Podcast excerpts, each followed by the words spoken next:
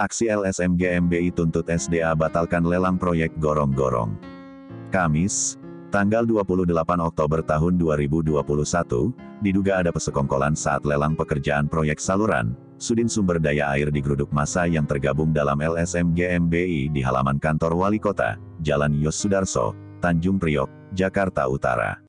Suku Dinas Sumber Daya Air, Sudin SDA, Jakarta Utara, kini sedang mengantisipasi adanya musim hujan, dengan memperbaiki seluruh saluran air mulai dari kali sungai, hingga ke saluran air kecil atau gorong-gorong di lokasi rawan banjir di wilayah kota administrasi Jakarta Utara.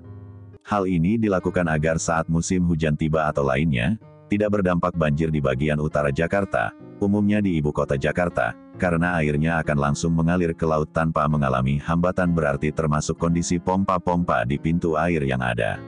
Namun proyek perbaikan saluran air yang kini dikerjakan kontraktor, menurut Lembaga Swadaya Masyarakat Gerakan Masyarakat Bawah Indonesia LSM GMBI, Distrik Jakarta Utara, diduga ada indikasi persengkongkolan proses lelang maupun dalam lingkungan panitia lelang, sehingga telah memenangkan kontraktor yang sudah tidak layak lantaran pernah terjerat proses hukum atau tidak memenuhi syarat.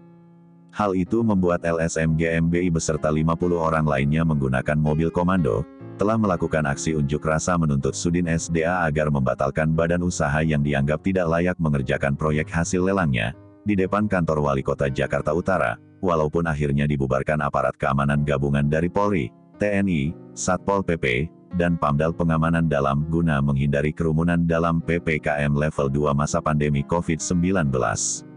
Di sela aksi damai itu, Ketua LSM GMBI Distrik Jakarta Utara, Sigit Priyatna Putra menyatakan kepada media, bahwa Wali Kota Jakarta Utara harus bertindak tegas kepada oknum-oknum di bawahnya, dan harus dipenjarakan, karena dianggap telah merugikan negara.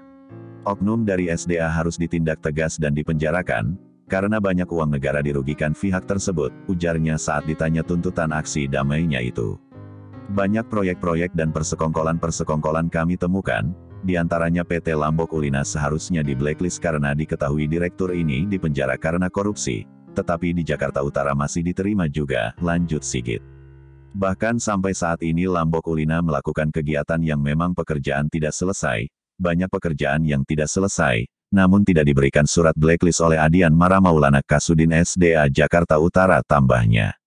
PT Lambok Ulina, kata Sigit, bahwa saat ini masih diberi pekerjaan di pintu air wilayah Kelapa Gading, dan beberapa titik lainnya di Jakarta Utara. Dalam aksi damai di depan kantor wali kota, LSM GMBI diterima pegawai dari SDA, namun tidak mengetahui nama dan posisinya karena saat ditanya, pegawai tersebut tidak terbuka untuk menjelaskan.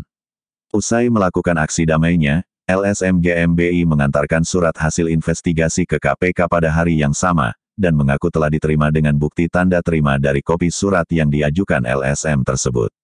MES